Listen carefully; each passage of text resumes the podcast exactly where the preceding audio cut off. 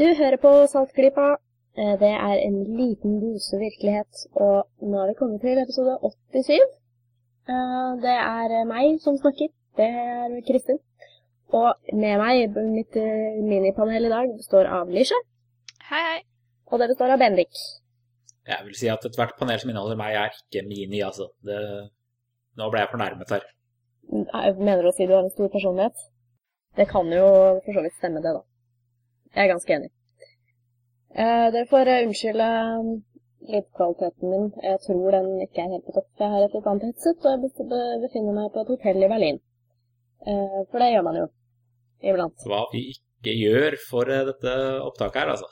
Ja, hva, ja, ofrer ikke sant. Jeg ditcher det sosiale liv, vet du. Det er jo stort offer jeg gjør for dere. Dere lytterne våre og mine kjære venner i samfunnet. Vi setter virkelig pris på det.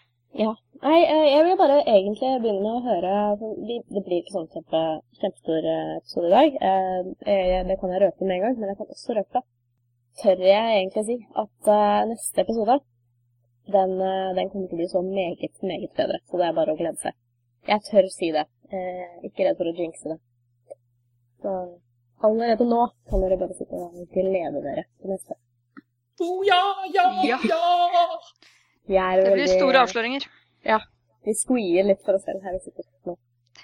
Mm. Men romfart, eh, folkens. Har dere fulgt med det siste Ja, hva er det? Siste par timene, egentlig? På Ja, romfartsfronten nå? Det er jo store ting som eh, både skjer og har skjedd. Um, kort fortalt så har Har sola endelig eksplodert? eh, nei, det, Hvis den hadde gjort det nå, så hadde vi ikke merka det før om åtte minutter. Men det Nei, det, det, er, det, er, det er ganske mørkt ute, skjønner du.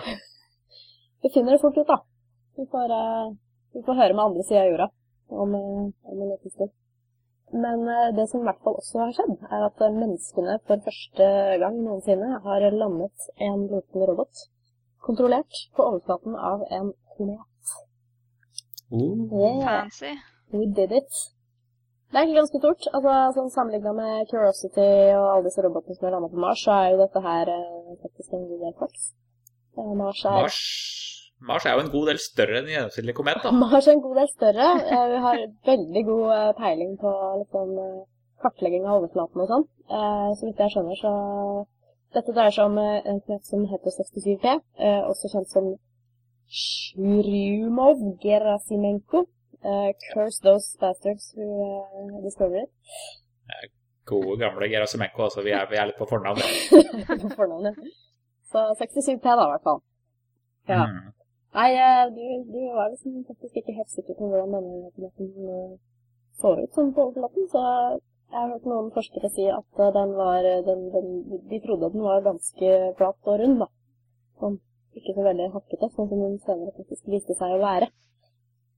Og så var det noe sånn at eh, denne her lille roboten da, som ble spytta ut av Rosetta-fartøyet, som ble skutt for ti år siden, litt mer enn ti år siden, den eh, var meningen at den skulle da eh, dale ned i sakte hastighet, og så skulle den da få et ekstra dytt av noen landingsraketter på, på slutten. Men den, de funka ikke, da. Så dette her var jo Så, veldig mye flaks, egentlig. Men det ser ut til så, så, vent, så, så den ble skutt over ti år siden, det er Rosetta-fondet. Mm. ja, som, som inneholdt denne 67P-landeren som skulle Ja. lande på her, og så bare deisa han nedi en, eh, en eh, komet i stedet for at den klarte rolig å lande. Eh, det, jeg tror det gikk mye roligere for seg enn de hadde fryktet. For det, det var jo neglebiting helt, helt fram til siste sekund. Jeg tror det er noe sånt som 28 minutter forsinkelse. Så at de satt jo i nesten en halvtime og venta på svaret på noe som allerede hadde skjedd, da. Ikke sant? Det er typisk sånn der neglebiting i romfarten-øyeblikk.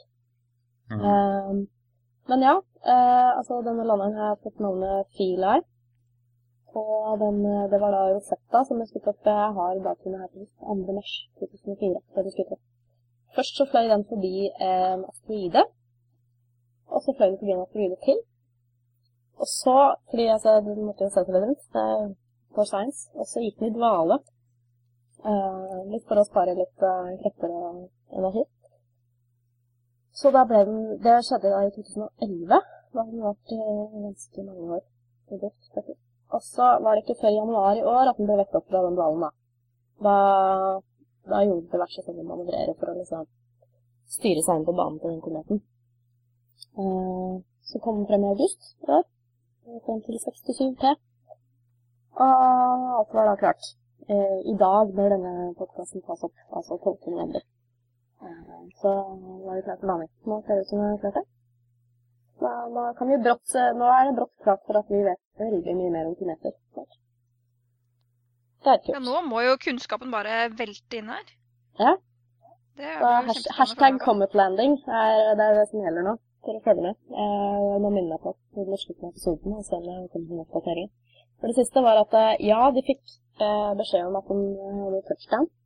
Det var det de ventet på. Eh, og den hadde da fått beskjed liksom, av, av sine ingeniører da, at med en gang, med en gang den toucha ned på knappen av et vett, så skulle, det hele, så skulle beina da begynne å drille ned med sånne isdriller for å, eller isskruer, for å teste seg, da. For det er jo ikke all verden av tyngdekraft på dette, på. Det er jo ikke, det er ikke Jupiter-størrelse på disse her, kan du si. Nei, hvor stor cirka er denne kometen da? Nei, det uh, har jeg nesten ikke sjekka. Eh, men eh, jeg så jo et bilde fra et tre, tre kilometers høyde, da. Eh, det var jo riktignok et vidvinkelbilde, men vi fikk jo plass til nesten hele kilometeren i det bildet. Så jeg regner med at det, den Så lenge den har fått liksom det pushet den skal av rocket sciencen, så den følger banen ganske nøyaktig, så, så er det jo egentlig bare fysikken som, eh, som styrer den i, på en måte, i gangfart ned på overflaten. Da. Men eh, det er klart, hvis den, hvis den, hvis den krasja litt på en litt skarp stein, så kunne det jo hende at den ble dytta vekk med en gang. ikke sant? Det bare trilla ut av kontroll. Og det ville jo vært sånn, litt sånn der ironisk da, hvis en sånn her sonde hadde gått gjennom alt dette styret her for å, for å lande, og sånn den klarer å lande fint og rolig, men så lander den oppå en stein med et av beina sine som bare velter over. Ja, ikke sant. Og det, var jo, det viste seg også det at eh, etter han hadde landa, da, etter de hadde fått beskjed, eh, så fant vi ut at eh, den hadde noen sånne ekstra små utskytingsharpuner som skulle hjelpe til å sette seg enda mer. Som da ikke funka. Så det er fremdeles, as we speak, litt sneglebiting som pågår for å vite om man faktisk klarer å holde seg på, holde seg på beina. Men vi har trua enn så lenge. Go godt i det. 67P-sonde. Yes. Fila heter den. Jeg har inntrykk av at det er en sånn liten, veldig, veldig søt robot som jeg helt sikkert kommer til å tilegne personlighet. Var et sånn veldig søtt bilde av den fra, fra Rosetto, da, som tok bildet. Akkurat da han hadde flyttet seg løs. Og var på vei ned. Det er veldig søtt. Det er sånne små bein som stikker ut fra alle kanter. Veldig kult. Følg med på det. Vi skal selvfølgelig lenke til eh, diverse ting, annet XKCD, den vår kjente, kjære tegneserie på nett, XKCD, som har lagd en egen spesialside for eh, denne landet her. Jeg tror han ennå driver og oppdaterer tegningene sine. Han som lager XKCD, eh, etter hvert som vi får nytt fra denne fronten. Så det er veldig, veldig stas. Veldig stas, veldig stas. Eh, det som er eh, også, synes jeg er litt stas, er en sak som jeg eh, fant for eh, ja, en ukes tid siden. Eh, egentlig bare sånn nyhetssak i en engelsk avis, i Telegraph, eh, hvor det var et eksperiment som de hadde gjort. Eh, som da, altså overskriften, sier at de har laget spøkelser i eh, laboratorium. På en komet? Eh, ikke, spøkelseskomet? ikke på en komet. Eh, I et ganske vanlig laboratorium. Eh, med litt fancy. På jorda, Mm. av alle steder. Jeg, jeg var fremdeles ute i verdensrommet, jeg. Nei da, nei, jeg har ikke noen Segwayer i dag. Jeg er altfor trøtt for Segwayer. Det får bare følge med, altså. Det er altså forskere i, går i fort i svinga. Ja, det går, det, det, det går veldig fort i svingen i dag. Uh, hvis jeg sovner, så er ikke det overraskende, faktisk. Det. Det er ikke fordi vi har interessante, ikke har interessante saker i dag, for det har vi.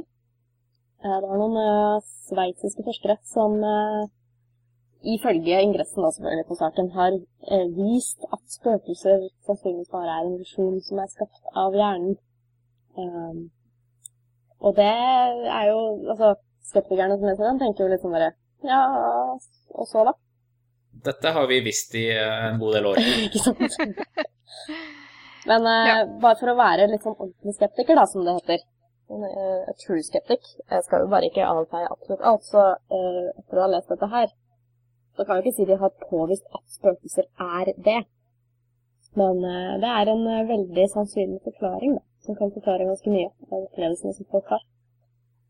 Eh, vi har snakka om et sånt lignende Jeg er ganske sikker på at vi har snakka om et sånt lignende eksperiment før, hvor du, hvor du lar noen da drive oss og poke på et sånt lite apparat.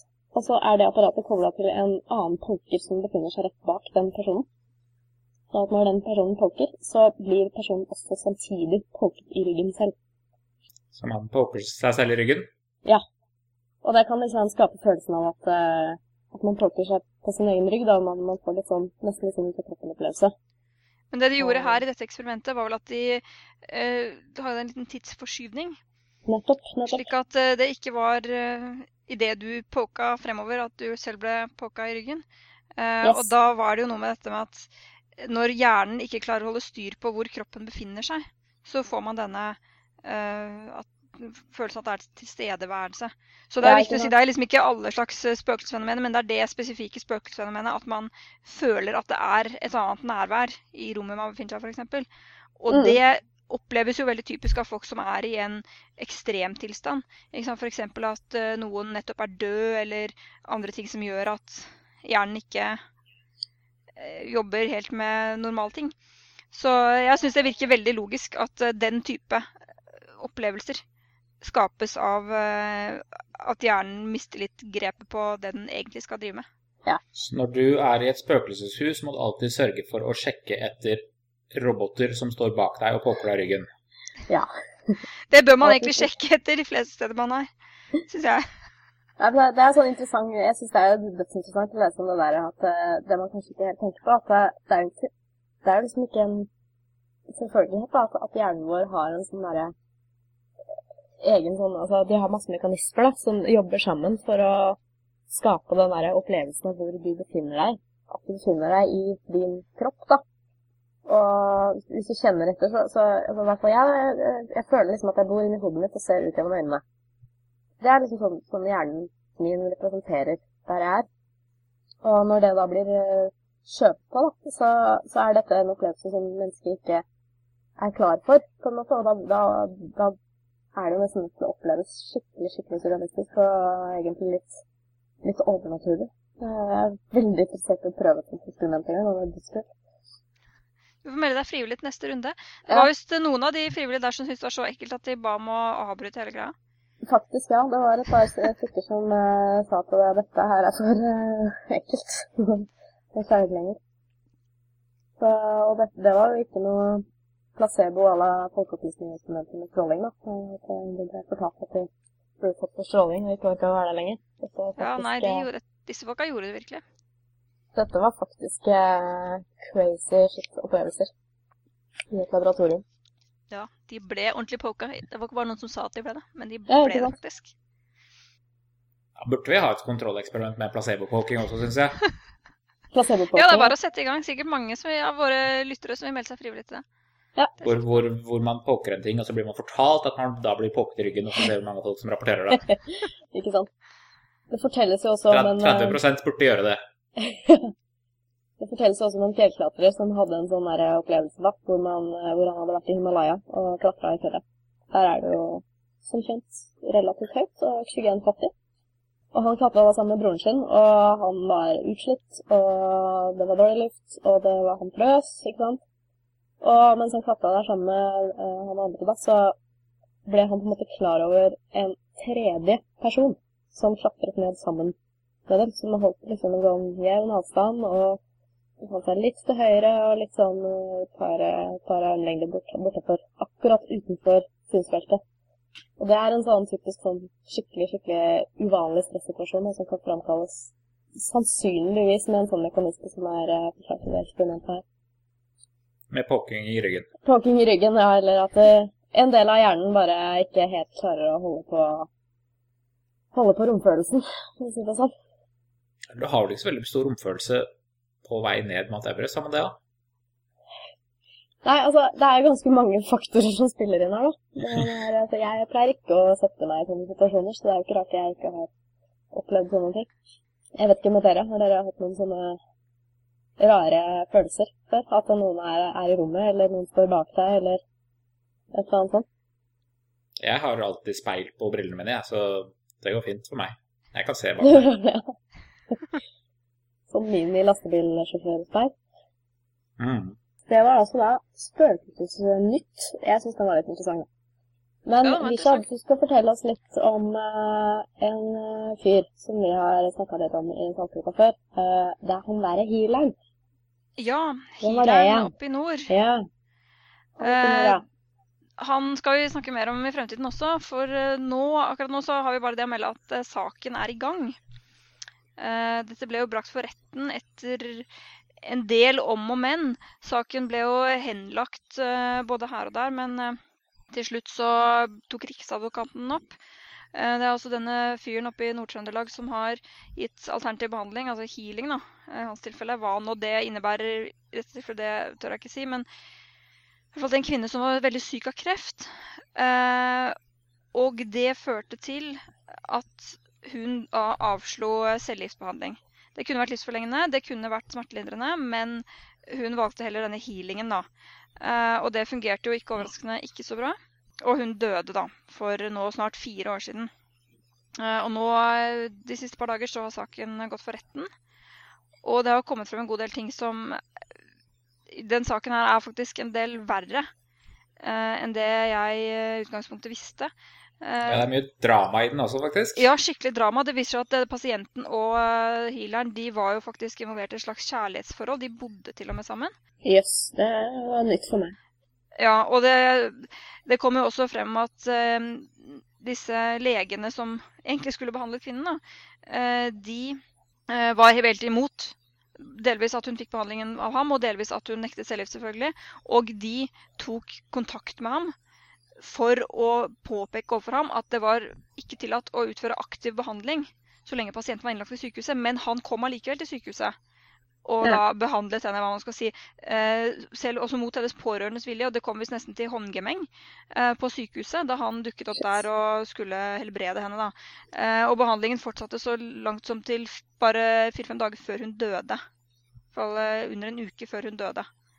Um, og han nekter jo selvfølgelig ført noe galt. Eh, men det mener da Riksadvokaten at eh, dette Han har da gått imot det pasientens leger ønsket, og også gjort det da på sykehuset Levanger. eh, hvor de da informerte om at dette ikke var tillatt. Så det mener da statsadvokatembetet at det er et lovbrudd, da. Og jeg ser også at de pårørende til denne kvinnen har gått ut og advart og håper at andre skal slippe det samme. Det spørs vel. De sier da at uh, hun ble gitt falske forhåpninger, en opplevelse av at ting skulle ordne seg. Det gjorde det selvfølgelig ikke siden hun døde. da. Og de mener også at hun ble i betydelig grad påvirket mot at hun ikke da skulle ha medisinsk behandling, denne cellegiften som legene ønsket å gi henne. Så eh, ja, advokaten til familien sier at saken er veldig spesiell. Han sier at eh, det fins veldig lite rettspraksis hvis det overhodet fins. Og det er jo det som er det interessante her. For dette er den første gangen at en eh, alternativ behandler har blitt dratt for retten etter at en pasient har dødd. Det er faktisk første Eh, gang, altså. Ja, selv om vi har hatt lovverk for dette i eh, en god Ja. del flere år. Så det har vært mulig, men det har faktisk ikke vært gjort før nå. Så hvordan dette her utfallet blir, det setter en veldig interessant presedens. Nei, det, vi venter i spenning på at denne saken skal bli avgjort. Ehm, Helsetilsynet eh, synes at eh, det er en alvorlig sak. Eh, De begjærte påtale først, så ble saken henlagt, men da klagde Helsetilsynet på henleggelsen. Frem til at da Riksadvokaten tok ut tiltale. Så her er det i hvert fall en del folk som ser veldig alvorlig på dette her. Så det blir veldig interessant å se hvordan dette går, og hvilke følger det kommer til å få innenfor helsevesenet. Ja, dette er jo en sånn sak som Altså, som du, som du sier, det kan sette presedens. Altså, det er jo typisk eh, vanlig i rettssaker at man drar frem tidligere saker ikke sant, for å på en måte styrke, eh, styrke en av sidene. Og, eh, og dette har også Det er jo midt i blinken, ikke sant, for å, å diskutere i en en podkast som denne her, fordi at det, det, har med lovgivning rundt alternativ behandling å gjøre. Uh, vi skal for så vidt nevne en liten anbefaling til slutt, det kan jeg nevne med uh, som har med, med, dette her å gjøre. Og det har jo med at det er jo kun helse, registrert helsepersonell som rammes liksom under strenge regler, da, ikke sant, med godkjenning og, og salg av legemidler og sånne ting. Så altså, det er snakk om at hvem som helst kan jo behandle hvem som helst for hva som helst, egentlig. Eh, mot at de liksom ikke Ja, altså det, det blir jo ikke etterfulgt, eh, nesten. Eh, selvfølgelig så har jo bl.a. Skepsis i Norge vært litt eh, aktive rundt dette her med å fange opp saker da, i mediene med markedsføringslovbrudd og sånne ting, men eh, det er på en måte først nå. Og nå kommer jo også da endelig denne rettssaken med en faktisk healer som er blitt siktet i dette her. Så det er eh, ja. Jeg vet ikke om det, om det, er et tegn på at noe skjer, da. Eller om dette er noe som kommer og går, og så fortsetter det som før. Det, det vet jeg ikke. Det blir jo i hvert fall en juridisk presedens ut av det her, delvis eh, innen rettsvesenet, men delvis også innen helsevesenet. Fordi det som har vært måte, det springende punktet her, er jo det at dette har ikke foregått i et privat hjem hvor ingen har innsyn, men det har faktisk foregått på sykehuset. Eh, og da blir jo spørsmålet hva mm. skal legene tillate? At, altså her har de en pasient, de vet hva som feiler henne, de vet hva som kan gjøres. Ikke helbrede henne, det går ikke an. Hun kan ikke bli frisk, men hun kan få eh, medisiner som kan lindre smerten, som kan øke livskvaliteten og som kan også forlenge livet. Og hun nekter å motta det, men samtidig så kommer det en person med en totalt udokumentert behandling som sannsynligvis ikke har noen virkning overhodet, og skal altså da gi denne behandlingen på sykehuset. Uh, og de mm skal da liksom stå der og se på. Uh, det er jo eh, For en lege så må det være helt utrolig provoserende. Uh, mens hvis denne saken går Helsetilsynets vei, så vil jo leger i fremtiden kunne si med denne presidensen i hånd at dette her tillater ikke rettspraksis her i landet. Så ut med seg. Nei, hvordan blir det med denne rettssaken nå? Hvor lang tid er den planlagt å ta? Det var siste dag av den faktisk i går. Den tok uh, to dager, og det var uh, nå tirsdag og Nei, mandag og tirsdag denne uka. Ja, Så da blir det forhåpentligvis ikke lang tid til dommen faller. Kanskje vi allerede kan ha en oppdatering i neste episode? Det, det hadde jo vært uh, helt kurant. Det er veldig interessant. Jeg liker når, når, det skjer ting jeg kan følge med på, ikke bare i, utenfor Norge, men også i landet. Litt mer, litt mer aktuelle ting. Ja, Av og til skjer det ting her òg. Ja, faktisk. Eh, triste ting, men eh, ting som forhåpentligvis eh, har litt ringvirkninger av det gode. Det får vi håpe. Vi, vi har eh, et lytterspørsmål, i Bendik. For det, det, det, er jo sånn, det er sånn som hjelper oss å få, få stopp. Når, når, folk er veldig snille og skriver inn og tvitrer inn ja, ja, ja. og facebooker inn og Vi fikk en e-post ja. til uh, vår e-postadresse post.saltklypa.no fra William. Og han eh, skriver som følgende I podkast nummer 83 diskuterte dere folkeopplysningen og temaet el-overfølsomhet. I episoden av Folkeopplysningen intervjuet en dame som hadde fått ombygget kontoret sitt for 200 000 kroner for å hindre at stråling kom inn. Dette husker vi jo. Blant annet brukte hun gardiner av sølv samt en spesiell maling. De viste også en del annonser på slike produkter kostet gjerne flerfoldige tusenlapper. Det jeg lurer på er, skriver William, Hjelper det egentlig å bruke sølvtråd, sølvgardiner eller maling mot stråling? Og hvilke frekvenser er det i så fall disse stopper, eller er det bare humbug?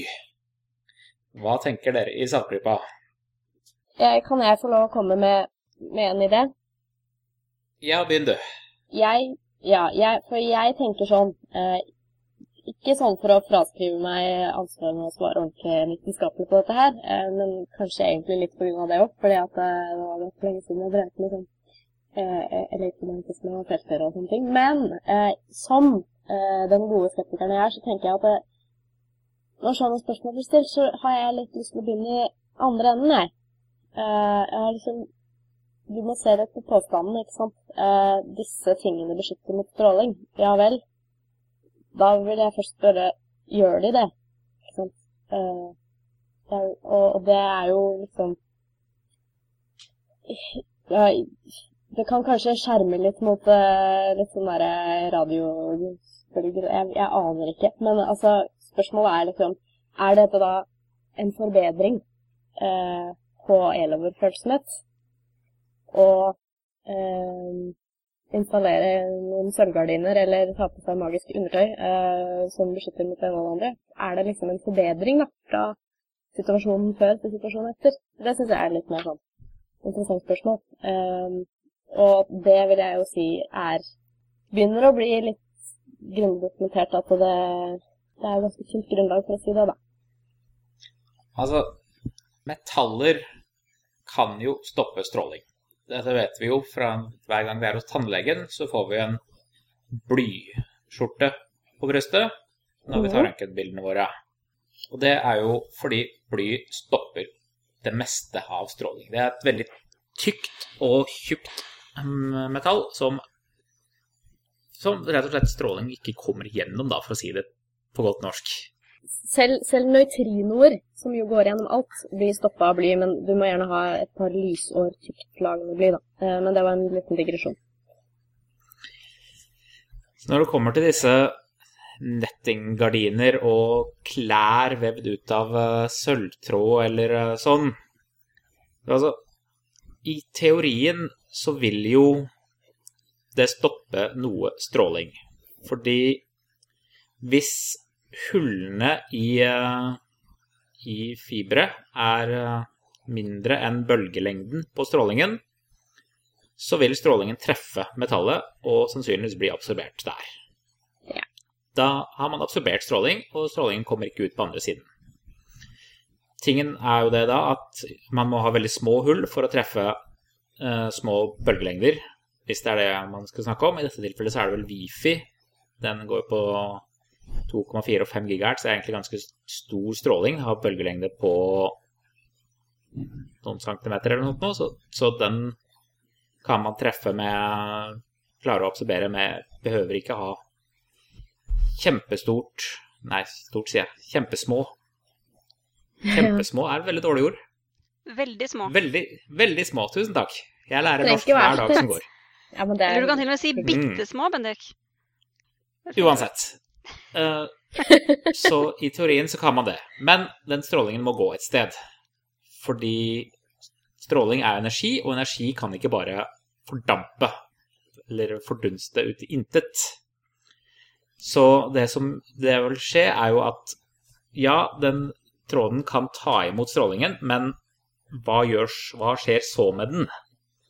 Den må være tilkobla jord for at den skal ha et sted å gå for å bli avledet. Hvis du bare går med klær, så vil jo da liksom ja, nå, nå, nå begynner min egen kunnskap å bli tynn også, men jeg vil jo tro liksom at før eller siden så blir den full. For den kan jo ikke ta imot uendelig stråling, vil jeg tro. Og må liksom Ja, da vil du få det til at hvis du har på deg en sånn stråling, så over tid så folk som kommer og tar på deg, de får støt, sikkert. Det kan, kan sikkert skje. Etter en viss mengde, som, eh, som sikkert går an å regne ut hvis man er våken og har et eh, papir og kunnskaper i hodet. eh. Jeg tenker sånn at eh, jeg ser for meg jeg ser for meg folk som går med sånne klær som kanskje kan ha en en sånn hale som sleper etter dem til gulvet. Da, jo, da er man jo litt sånn jorda, er man ikke det? Da kan du være litt jorda, ja. Ja, ikke sant? Eller at gardinene alltid er nede i gulvet, da, for eksempel. Ja, gardinene kan jo kanskje være hengt på en metallstang. Eh, også mm. Som, som kanskje noen elektriker har uh, kobla en ledning på. Da vil de avlede strømmen helt utmerket bra. Det er jo eh, som sagt eh, Det er som sagt, de, de, de brukte jo ganske mange penger på å installere dette her på kontoret Ja. og så videre. Ja.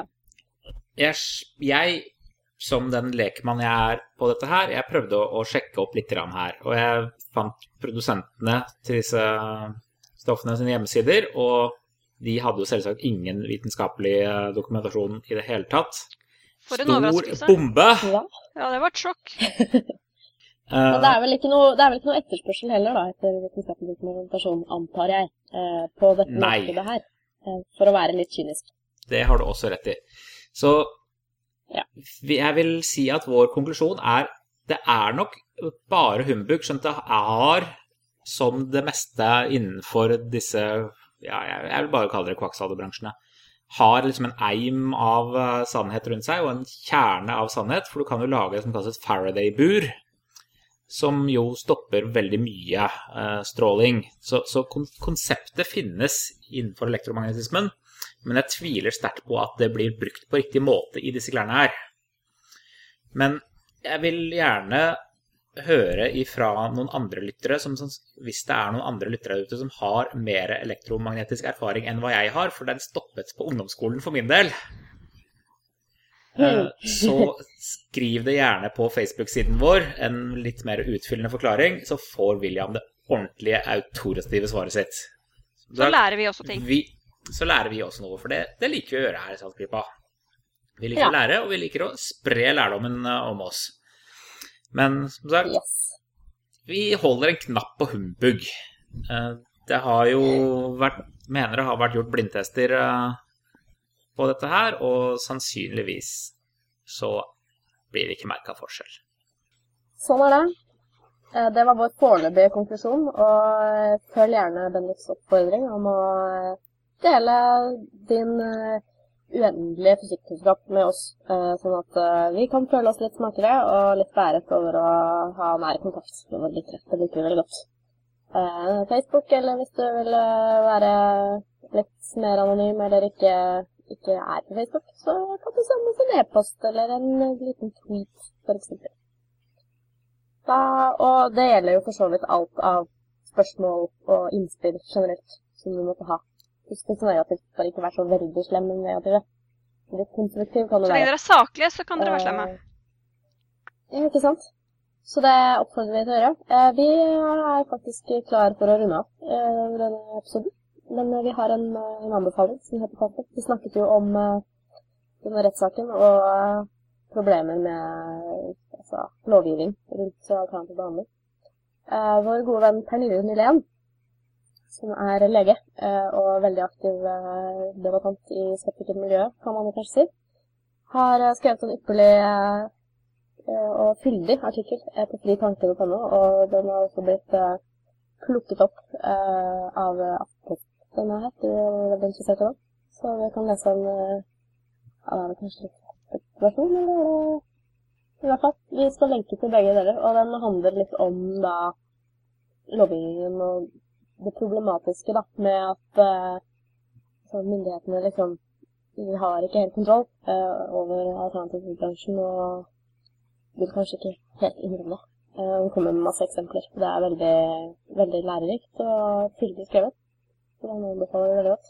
Jeg kunne sikkert snakket i en time eller to om dette her, men det eneste vi hadde kommet frem til, er at Pernille er smart, og vi er helt enige.